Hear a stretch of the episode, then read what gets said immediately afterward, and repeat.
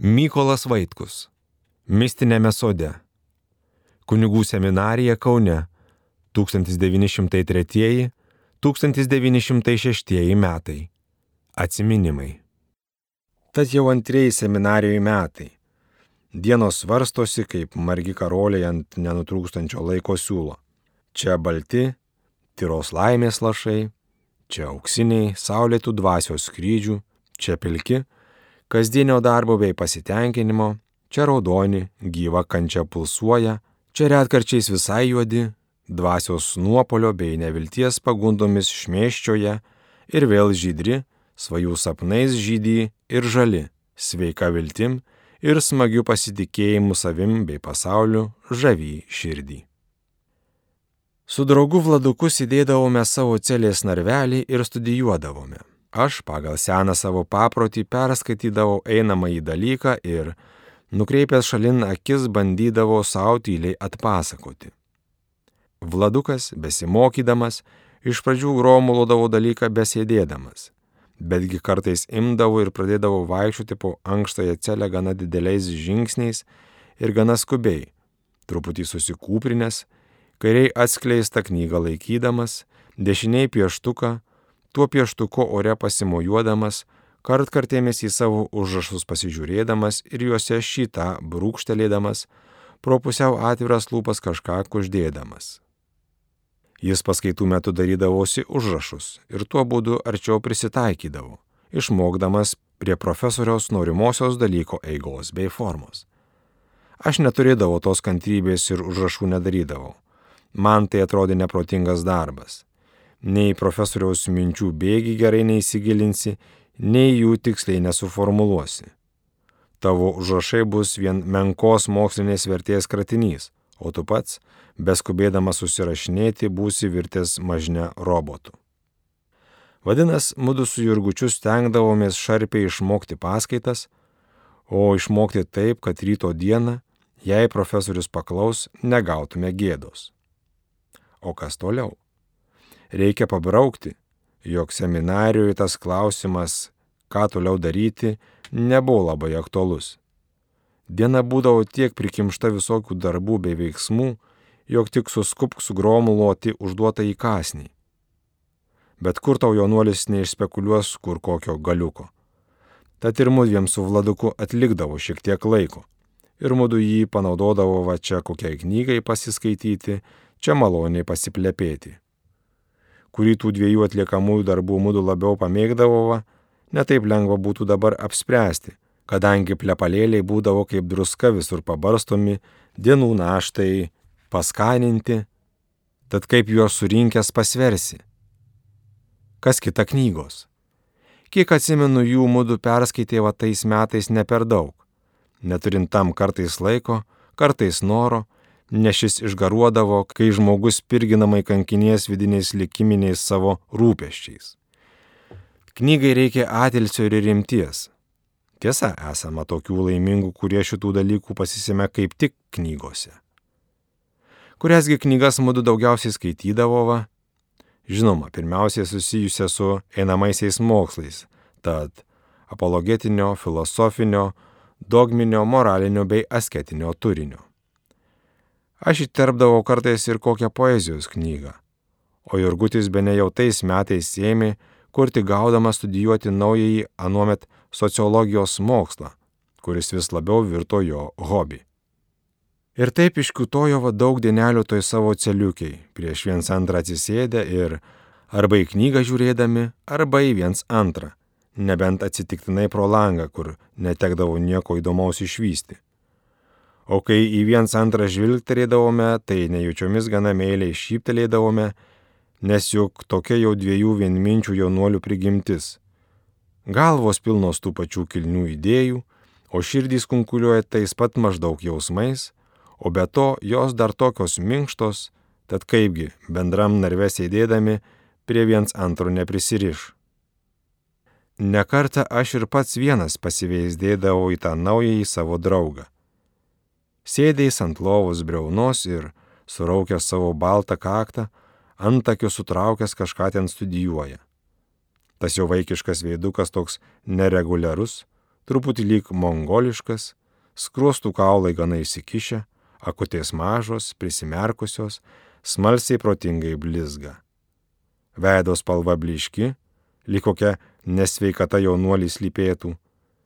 Nedidelė burnelė putli, šypsoti moka dailiai, sakoma, širdis gera.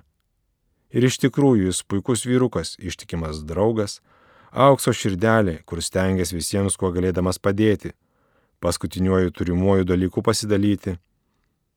Dalosi jis ir savo žinyje.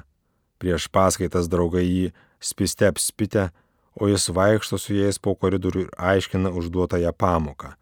Vis kiek susikūprinės, dešiniai pieštukas, o tuo pieštuku Vladas ore visokias paaiškinamas figūras vedžioja. Ir draugai iš jo gražiai pamoką išmoksta. Ir jo dienos toliau į ateitį bėgo, juo ėmiau labiau įsitikinti Vlado nemažą vertybę, jo įvairiais įžymiais gabumais. Visa jam tvarkoj - protas, atmintis, vaizduotė, jausmas. Oi tas jo protelis, toks aiškus, subtiliai ir giliai rėžęs, laukus teorijai, bet ir praktikoje skersai išilgai laisvai vaikštinėjęs, viskuo besidomys, viską pastebys, viską besistengęs perprasti. Iš viso - ir teorijoje, ir praktikoje jis palengva pasirodo esas ne vien kritiškas, bet ir hiperkritiškas, ypač žmonių atžvilgių. Šiais jis nelengvai te pasitikė, bent taip sakos. Juose greitai pamato ar mano pamatęs visokių silpnybių bei blogybių. Kai studijuodami moralinę teologiją prieėjome vietą, kur teigiama, nemomalus nisi probetur, niekas nelaikomas blogu, nebent būtų įrodyta. Ir aš balsiai tą vietą pasigėrėjau. Vladukas man tuoj atkirto, eik jau eik, reikia šitaip sakyti. Nemo bonus nisi probetur. Mano Vladas buvo gerokai linkęs į pesimizmą ir tai visose srityse. Tėviškiai, seminarijoje, plačiam pasaulyje.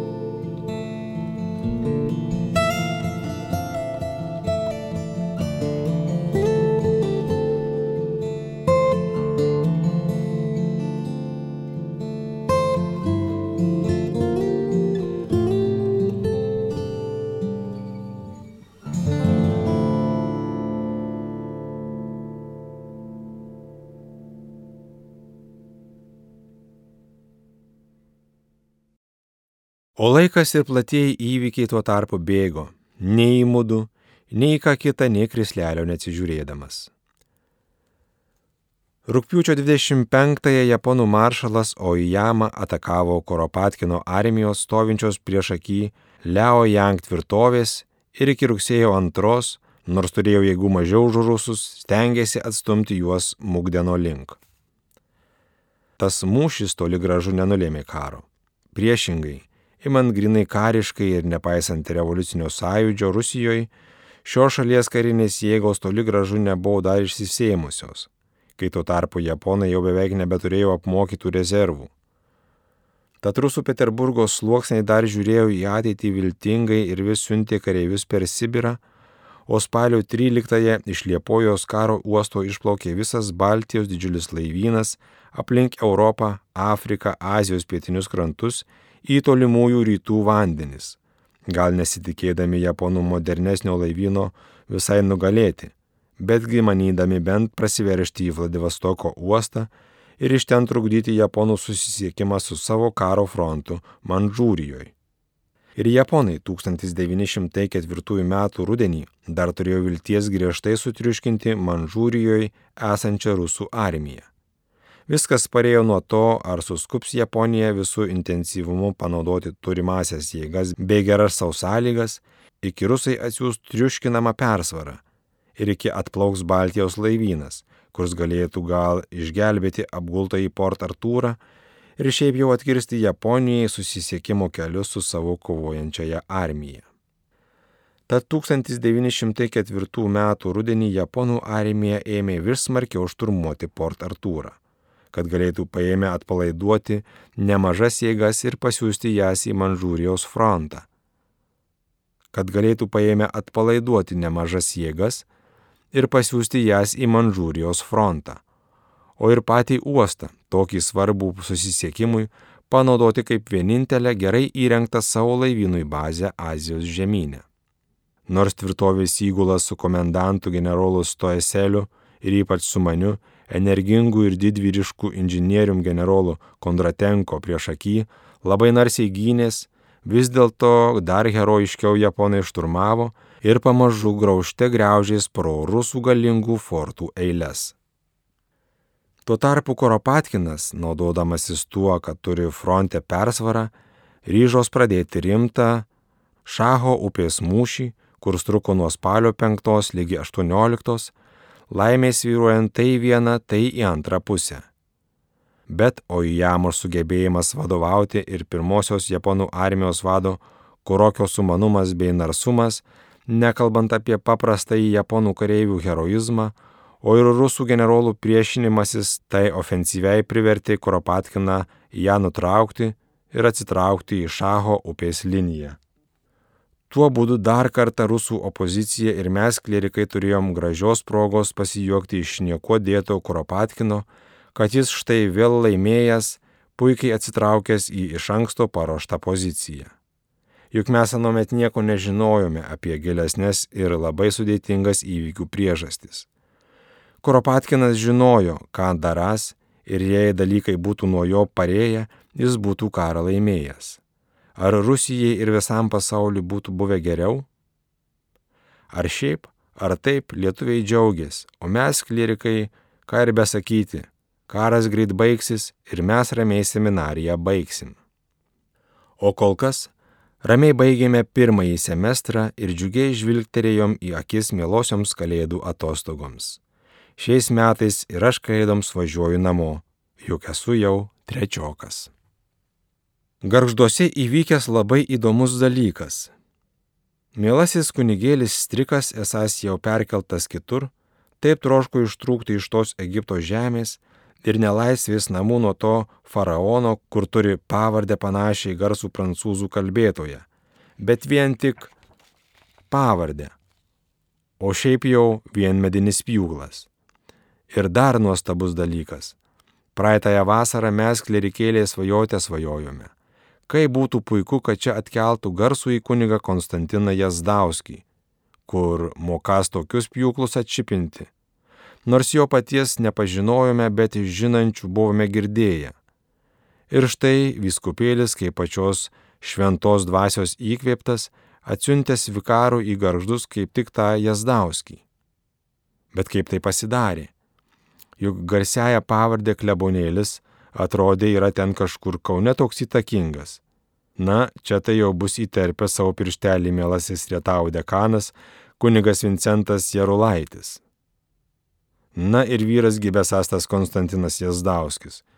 Kaip karalius Saulis, visa galva už mus aukštesnis, plačiapetis, didžiarankis, veidas didelis, apytamsus, akys lėtus spaudžiančių žvilgsnių, lūpos dažnai virpteli tai ironišku, tai sarkastišku šypsniu, kalba iš lėto, tyčia žemaičiuodamas, kadangi juk šviekšniškis, netol nuo kur ir jaunius išdygo.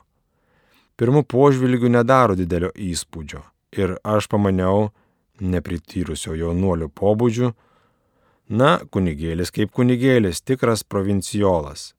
Ir ėmiau su juo kaip niekur nieko juokauti, net kirstis liežuviu.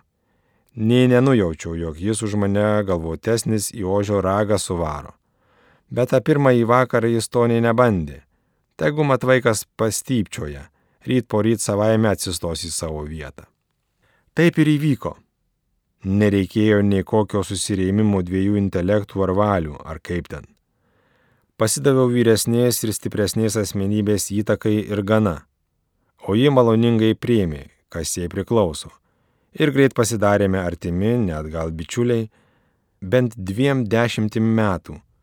Turėdavom apie ką pasikalbėti ir susirašyti, nes turėjome bendrų idealų bei pomėgių. Grįžus iš seminarijos reikia kuo greičiausiai padaryti vizitą klebonui, nuo kurio juk pareina tavo likimas - po dievulio ir kunigo kriškijono. O bus įdomu, kaip gerbiamas klebonas nun jaučias, kai jam vikaro paskirtas tas mielasis, na, krokodilas ar ką. Nuėjau, pamačiau. Besas vis tas pats, storu pilvuku, ant kurio pro atsektą sutoną karo tą pat auksinio laikrodžio storą grandinužė. Ant to pat neaukšto stoto nemaža galva, gal kiek labiau praretėjusiais plaukais, tos pat žvairios akys neramiai žvilgčioja aplinkui, į skirtingas šalis taikydamos, tik nun atrodo dar neramiau. Sutiko gana malonių vypsnių, kaip ir pirmiau lenkiškai išnekėdamas. Ir jokauja vis taip pat gana berniškai bet kažkas skirtinga yra. Jau nebe toks savimi pasitikys.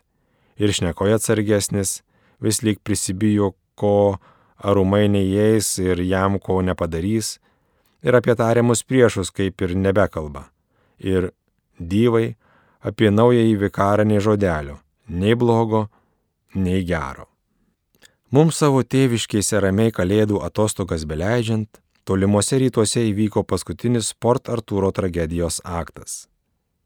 Nuo Liepos pradžios Japonų trečioji armija, generolo Nogi vedama, atkirtusi tvirtovę nuo susisiekimo su rusų armija, ėmė ją šturmuoti ir palengva, su dideliais nuostoliais graužte graužiais pirmin.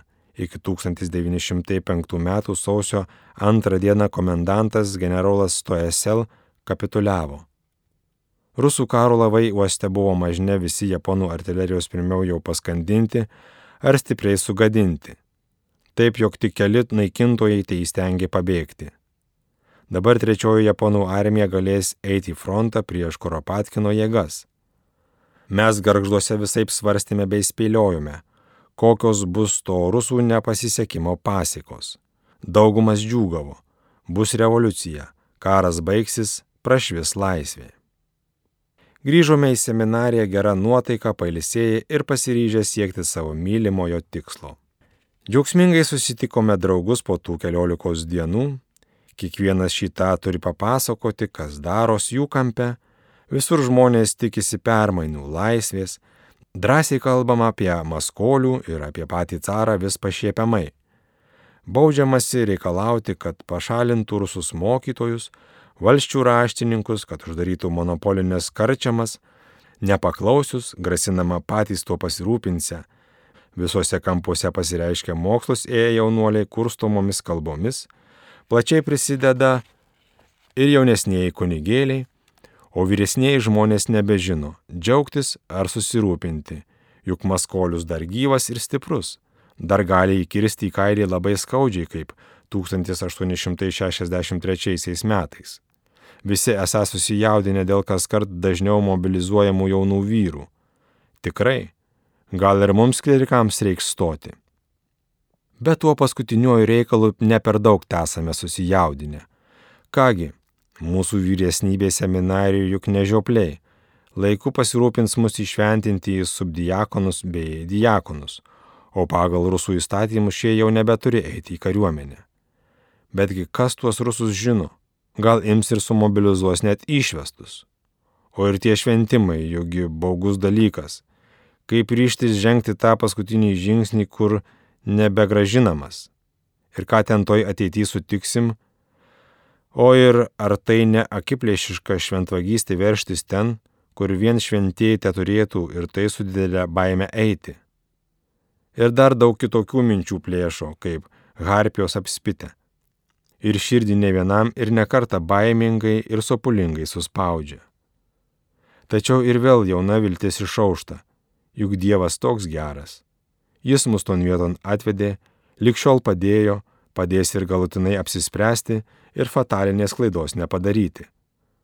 Padės ir vyresnybė, jie juk prityrę, o mums gero nori. Ir jaunasis optimizmas vėl paima viršų, ypač kad būksoti bei liūdėti kaip ir laiko nėra, tiek darbo, o ir tiek tame draugų būry džiaugsmo, o kiek ana šventoji ateitis plieskės skaiščios laimės. Darbuosimės, kentėsime, nugalėsime, būsime laimingi. Taip mums beplušant tame mistinėme sode, plačiajam pasauliu toliau rutuliojas dideli įvykiai. Manžūrijoje sausio gale generolas Kropatkinas, turėdamas didoką jėgų persvarą, ryžos rizikuoti didelį mūšį, kol japonų portatūro armija dar netėjus saviesiems padėti. Tas mūšis įvyko sausio 26 ir 27 dieną, baisiai sniego pūgai siaučiant. Gripenbergo septynios divizijos puolė generolo Okų dvi divizijas kairiajame Japonų fronte. Rusai kuo nelaimėjo didelę pergalę.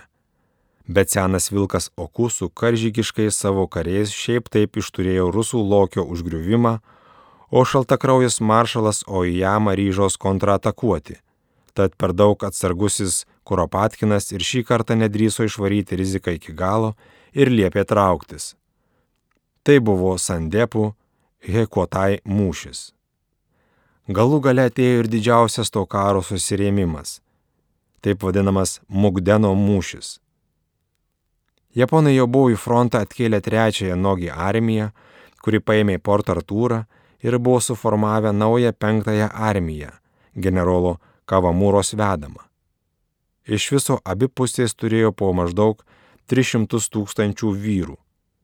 Tik japonai beveik nebeturėjo apmokytų rezervų, kai rusai vis dar galėjo siūsti iš savo išteklių į frontą kas mėno po 30 tūkstančių kareivių. O čia vis dar artin plaukė didžioji rusų laivų armada, kuri galėtų daug ką nusverti. Tad Ojamai reikėjo žudbūt ieškoti griežto laimėjimo kuo greičiausiai. Prasidėjo smarkus mūšiai, kuriuose abi šalis parodė daug narsumo. Laimės vyravo tai į vieną, tai į antrą pusę nuo vasario 21 lygi kovo 10. Betgi Ojama parodė daugiau taktikos, sugebėjimų bei ryštumo, Kuropatkinas daugiau atsargumo, tačis ir vėl, pagal įsigalėjusį savo paprotį, laimingai atsitraukė į iš anksto paruoštas užpakalinės pozicijas. Tie lingo link, palikdamas japonams pasigardžiuoti tuščią Manžūrijos sostinę Mugdeną. Betgi tas mūšis Kuropatkinui atsėjo brangiai. Jo armija prarado apie šimtą tūkstančių vyrų, o jis pats galutinai prarado stratego garbę bei vadovybę ir liko pakeistas Linevičium. O Ijama užtat laimėjo didelį lošimą, nors ir jo nuostoliai buvo apie 50 tūkstančių.